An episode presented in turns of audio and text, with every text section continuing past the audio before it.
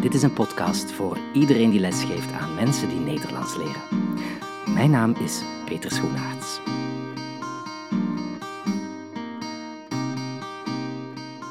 Uh, welkom bij de tweede aflevering van uh, de podcast Docent NT2. En ik heb heel fijne reacties gekregen op uh, die eerste aflevering, ook een aantal vragen. Dus ik ga meteen even teruggrijpen naar die eerste aflevering. Um, we hadden het toen over het verschil tussen Nederlands als tweede taal, NT2, en Nederlands als vreemde taal, NVT. En uh, ja, blijkbaar uh, zijn er mensen die daar eigenlijk nog nooit bij hebben stilgestaan. Ik wil heel even uh, kort herhalen hè, dat NT2, dus laten we zeggen NT2, dat is altijd binnen het taalgebied, in Nederland of in Vlaanderen. Daar uh, wordt meestal een functionele aanpak gebruikt. Je moet leren functioneren in bepaalde situaties. Er is veel natuurlijke input. Je hoort overal om je heen Nederlands. Niet alleen in de klas, maar ook buiten de klas. Dus de doeltaal, de taal die je, die je als anderstalige gaat leren, is ook de omgevingstaal. En dat is helemaal anders in de context van de NVT. Daar heb je vaak een, een contrastieve aanpak. Je gaat vergelijken met je eigen taal, want je zit meestal in een, eh, in een heel homogene groep, met mensen die uit dezelfde cultuur komen, dezelfde taal spreken. Um, buiten de klas heb je weinig of geen contact met het Nederlands, met de doeltaal. En er is ook heel vaak aandacht voor uh, kennismaken met land en volk. En dat is natuurlijk omdat heel veel van die mensen die Nederlands leren in het buitenland vaak niet of nooit in het Nederlandse taalgebied uh, terecht zullen komen. Hm, ik, ik heb vaak uh, uh, mensen ontmoet die Nederlands leren, in Indonesië bijvoorbeeld of in de Verenigde Staten. En het is altijd wel een droom van hen om naar Nederland of, of België te gaan, maar bij heel veel mensen zal dat niet gebeuren. Dus die studeren echt de taal vanuit een interesse voor het land, het volk, de taal zelf, de literatuur. En dus daar ligt dan in het buitenland, in de les Nederlands, ook vaak uh, meer nadruk op. Nu, we hadden het vorige keer ook over uh, de docenten zelf. Hè. In de NT2-context zijn dat heel vaak uh, moedertaalsprekers. En de klas, dus de, de anderstalige leerders, zal ik ze maar noemen. Ik, ik, weet dat Nederlanders het woord leerder heel vreemd vinden, maar de taalunie gebruikt dat vaak. Dan hoef je niet te zeggen leerlingen, cursisten, studenten, maar dan zeg je leerder, hè, degene die leert. Maar dus in die, in die eh, NT2-context uh, eh, zijn de leerders vaak heel heterogeen. Ze hebben allemaal andere talige achtergrond, andere culturele achtergrond. Heel vaak is de docent, de leraar, leerkracht, wat je wilt, dan ook niet vertrouwd met de achtergrond van die leerders. En dat kan wel eens voor misverstanden zorgen, culturele misverstanden bijvoorbeeld. Terwijl je in de NVT-context, dus buiten het taalgebied, docenten hebt die zelf een andere moedertaal uh, spreken dan het Nederlands en die hun talige en culturele achtergrond is vaak dezelfde als die van hun studenten of cursisten. Dus um, ja, dat zijn wel wat verschillen tussen NT2 en NVT. En daar hadden we het de vorige keer over. En daar kreeg ik dan ook een vraagje over. Iemand schreef mij, dus NT2 betekent niet dat het Nederlands de tweede taal is die je leert. En dat is inderdaad niet zo. Um, ik kan me voorstellen dat uh, sommige mensen bij die term niet stilstaan, maar NT2 betekent niet het is de tweede taal die je leert. Nee, het Nederlands is in de context van de NT2 is de taal die je hoort als je je huis verlaat. Dus je spreekt thuis als anderstalige je moedertaal en buiten je huis word je geconfronteerd met de doeltaal, in dit geval het Nederlands. In de klas, op straat en zo verder, op de televisie. Dus bijvoorbeeld een, uh, laten we zeggen, een, een Syriër die Nederlands leert in Nederland of Vlaanderen, die spreekt thuis bijvoorbeeld Arabisch en daarbuiten wordt hij voortdurend geconfronteerd met het Nederlands. Dat is NT2, dat is het Nederlands als tweede taal. De taal die je overal hoort, die overal gebruikt wordt buiten je huis. Daar komt het op neer. Nu, bij een vreemde taal kan de thuistaal natuurlijk ook de omgevingstaal zijn. Stel, uh, je studeert Nederlands in Frankrijk, dan spreek je thuis Frans, maar als je buiten komt, hoor je ook overal Frans. Ja? Dus het Nederlands hoor je echt alleen maar in de klas. Het is geen tweede taal, het is een vreemde taal. En uiteraard, tegenwoordig zit je in meertalige contexten. Stel dat je uh, Franstalig bent, je woont in Spanje, je woont in Madrid en je studeert daar ook Nederlands, dan is het Nederlands een vreemde taal. Ja? Dus je thuistaal, je omgevingstaal, dat is niet hetzelfde. Je spreekt thuis Frans, je spreekt buiten Spaans en in de cursus spreek je Nederlands. Oké, maar eh, genoeg daarover. Ik, ik denk dat uh, het NT2 NVT wel duidelijk is. Deze podcast, nogmaals, is uiteraard voor iedereen die in welke context dan ook uh, Nederlands doseert. ik krijg nog een andere vraag binnen. Zijn er eigenlijk veel mensen die Nederlands leren buiten ons taalgebied? En het antwoord is ja, die zijn er. En die zijn met veel meer dan mensen die Nederlands leren binnen ons taalgebied. En ik weet dat ook veel NT2-docenten zich daar niet van bewust zijn. Um, ik wilde jullie een paar cijfers voorleggen. Um, dus ja, ik weet niet precies hoeveel mensen Nederlands aan het leren zijn in Nederland, in Vlaanderen. Dat zullen er enkele tienduizenden zijn, schat ik zo. Maar je moet weten dat wereldwijd als je gaat kijken naar buitenlandse universiteiten, dan zijn er zo toch een veertigtal landen waar het Nederlands wordt aangeboden. En daar heb je meer dan 10.000 studenten die Nederlands als hoofdvak of als bijvak volgen. Dat is best veel. Maar je mag niet vergeten dat er ook heel veel jongeren, kinderen Nederlands leren. En dat zijn er wereldwijd meer dan 400.000. En de meeste daarvan die, uh, bevinden zich natuurlijk in de ons uh, omringende taalgebieden. Hè. Dus uh, bijvoorbeeld in het noorden van Frankrijk, hè, de, de, Franse departementen Nord, Pas-de-Calais. In Franstalig België uiteraard, in Wallonië, heb je waarschijnlijk de meeste jongeren en kinderen die Nederlands leren. En je hebt nog de Duitse deelstaten, Neder-Saxen, Noord-Rijnland, Westfalen. Um, dat is behoorlijk wat. Hè. Laten we zeggen bijna ja, dat is bijna een half miljoen uh, kinderen en jongeren leren Nederlands. En uh, zelf hebben zij het Duits of het Frans als, uh, als moedertaal. Zo, ik, ik kom aan ons thema van vandaag. En dat is een vraag die ik eigenlijk heel vaak krijg. Moet ik altijd Nederlands spreken in de klas? En je hebt je dat waarschijnlijk zelf ook al wel eens afgevraagd van, oh, je mag ik hier eigenlijk wel vertalen, of zou ik het misschien beter doen?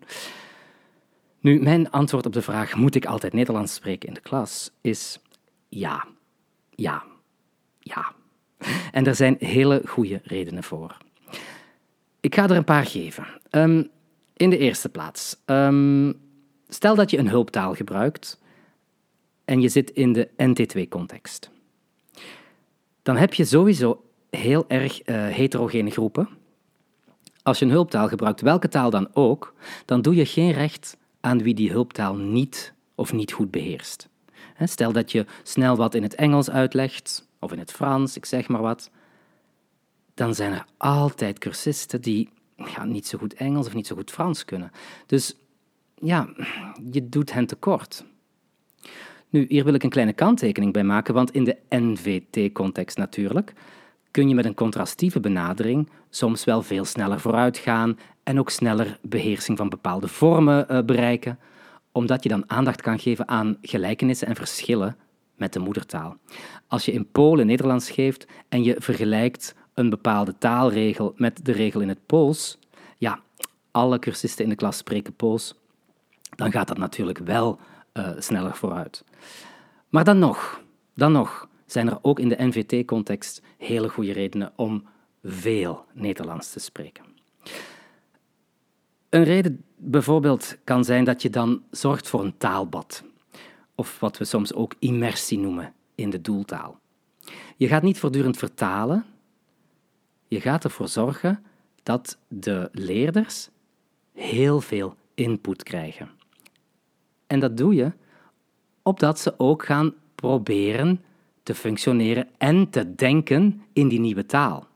Dat bereik je niet als ze niet worden ondergedompeld, vandaar dat taalbad, als ze niet worden ondergedompeld in die taal. Als je voortdurend om de, om de minuut van, van taal switcht, ja, dan, dan stimuleer je eigenlijk degene in de klas die, die de nieuwe taal aan het leren zijn, ook, mm, ja, dan, dan stimuleer je hen om voortdurend in hun eigen taal te blijven denken. Dus dat is een goede reden. Zorg voor een taalbad. Zorg dat ze zich, ehm, ja, dat ze, moet, dat ze echt ondergedompeld worden in het Nederlands. Een andere reden om voortdurend Nederlands te spreken is om de cursisten te helpen, of de leerlingen te helpen, hun spreekangst te overwinnen. Als jij als docent voortdurend een hulptaal gaat gebruiken en geen Nederlands spreekt, dan geef je natuurlijk het signaal dat het Nederlands misschien wel te moeilijk is.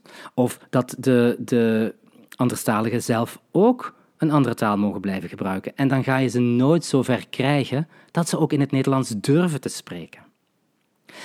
En wat ik een heel belangrijke reden vind om zoveel mogelijk Nederlands te spreken, is dat je als anderstalige heel veel nieuwe woorden kunt oppikken in de context. En daarmee bedoel ik woorden die je niet als docent intentioneel gaat aanbieden. En daar wil ik graag heel even dieper op ingaan. Um, als docent weten wij welke woordenschat we willen aanleren. Weten wij welk thema we aan het behandelen zijn en wat de belangrijke woorden zijn. Nu, dat zijn vaak de woorden die wij intentioneel gaan aanbieden.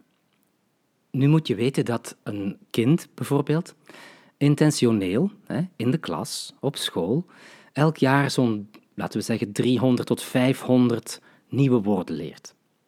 Maar in de praktijk zal blijken dat ze jaarlijks zo'n 3000 woorden hebben geleerd. En de meeste hebben ze dus gewoon opgepikt. Die hebben ze niet intentioneel aangeboden gekregen.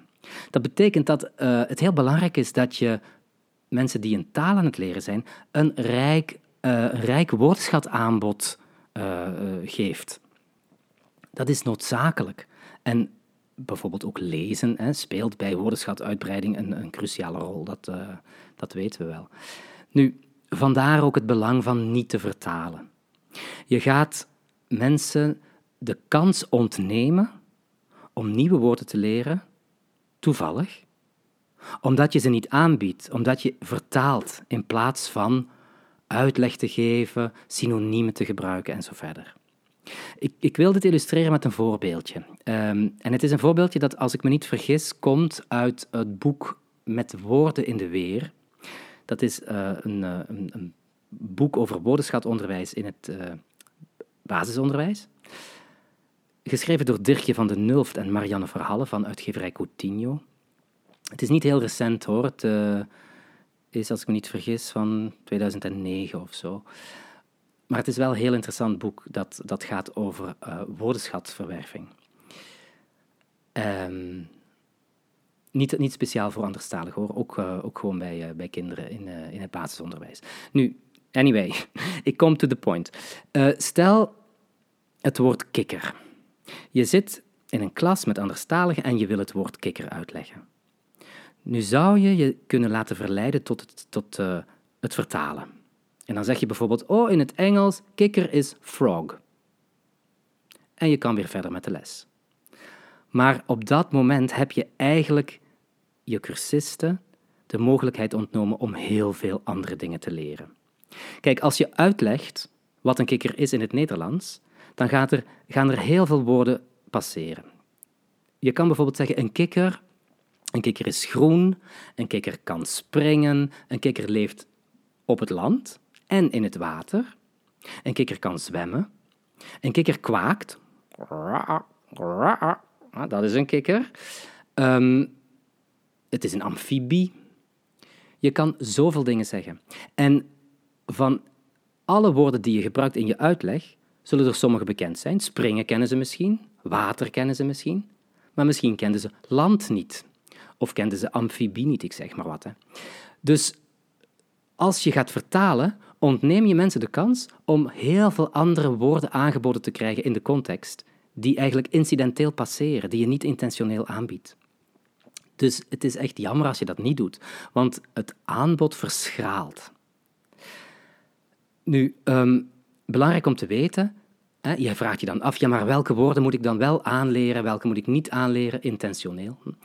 Nu, daar zit eigenlijk geen ja, specifieke leerlijn in. Er is geen precieze of dwingende volgorde van woordenschat. Uiteraard begin je bij beginners met de typische dingen als jezelf voorstellen en uh, vertellen waar je woont en, en zo verder. Maar eigenlijk maakt het niet uit welke woorden je aanbiedt. Uiteraard ligt het voor de hand dat je eerst heel frequente woorden gaat aanbieden. De woorden die je nodig hebt. En eigenlijk uh, geeft dat incidenteel leren, hè, dat geeft eigenlijk al aan waarom het zo belangrijk is om ook te zingen, rollenspelen te doen, um, gedichtjes te lezen. Je hoeft niet altijd alles te begrijpen, maar je geeft via dat taalaanbod zoveel mogelijkheden om nieuwe woorden te verwerven die je niet per se in, uh, intentioneel aangeboden hebt. Ik wil hier een voorbeeldje geven van um, een klas Amerikaanse uitwisselingsstudenten die ik ooit had uh, in Leuven. Ik heb lesgegeven aan het uh, Instituut voor Levende Talen van de KU Leuven. Um, dat was een cursus van 30 uur, denk ik. En dat was aan het begin van het uh, academisch jaar, in september. Eén week kregen die Amerikaanse studenten, die dus een jaar naar België kwamen, die kregen één week om in 30 uur tijd, laten we zeggen, een A1-niveau te bereiken. Hè? De basis te leren van het Nederlands. Nu, ik sprak alleen Nederlands vanaf het begin. En die eerste dag um, ja, zag je de paniek in hun ogen, want ze waren het niet gewend om naar een vreemde taal te luisteren. Heel hun leven hadden ze Engels gesproken, Engels gehoord. Hier en daar had er eens iemand wat Frans of Italiaans of Spaans uh, geleerd, maar eigenlijk waren ze dat niet gewend. Dus ja, ze moeten eerst die klanken leren herkennen. Later ga je proberen hen wat dialogisch te laten spelen. Je gaat een rollenspel doen.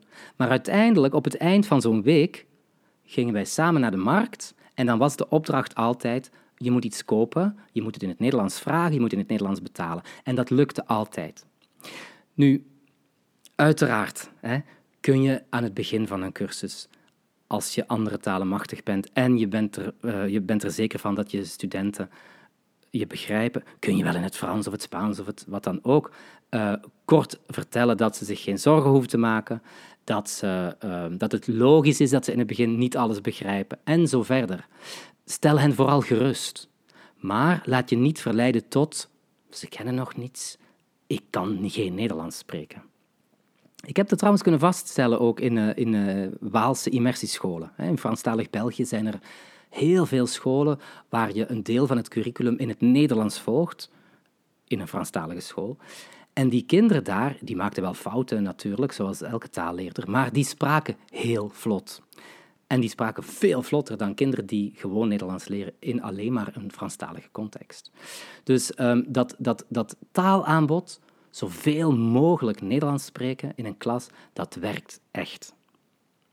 Nu, ik hoor sommige mensen al denken, ja, maar hoe pak ik dat dan aan? Hoe kan ik dat dan consequent doen, dat Nederlands spreken? En dan vooral bij beginners. Nu, ik begrijp dat dat heel moeilijk kan zijn en een uitdaging. Maar als docent moet je soms ook een beetje een performer zijn. Dus ik zou zeggen, je moet het doen, je moet het uitleggen met handen en voeten. Weet dat communicatie hoofdzakelijk non-verbaal is. Heel veel betekenis halen wij uit mimiek, uit gebaren. En uiteraard kun je heel veel laten zien, je kan heel veel uitbeelden. Hm? Werkwoorden bijvoorbeeld, staan, lopen, zitten, uh, zwemmen, fietsen, wat dan ook, hoef je nooit te vertalen. Je kan het laten zien, je kan het uitbeelden.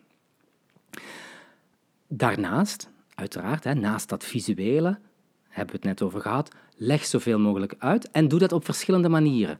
Uh, gebruik synoniemen. Haal er nog een, keer een foto bij en herhaal, herhaal, herhaal.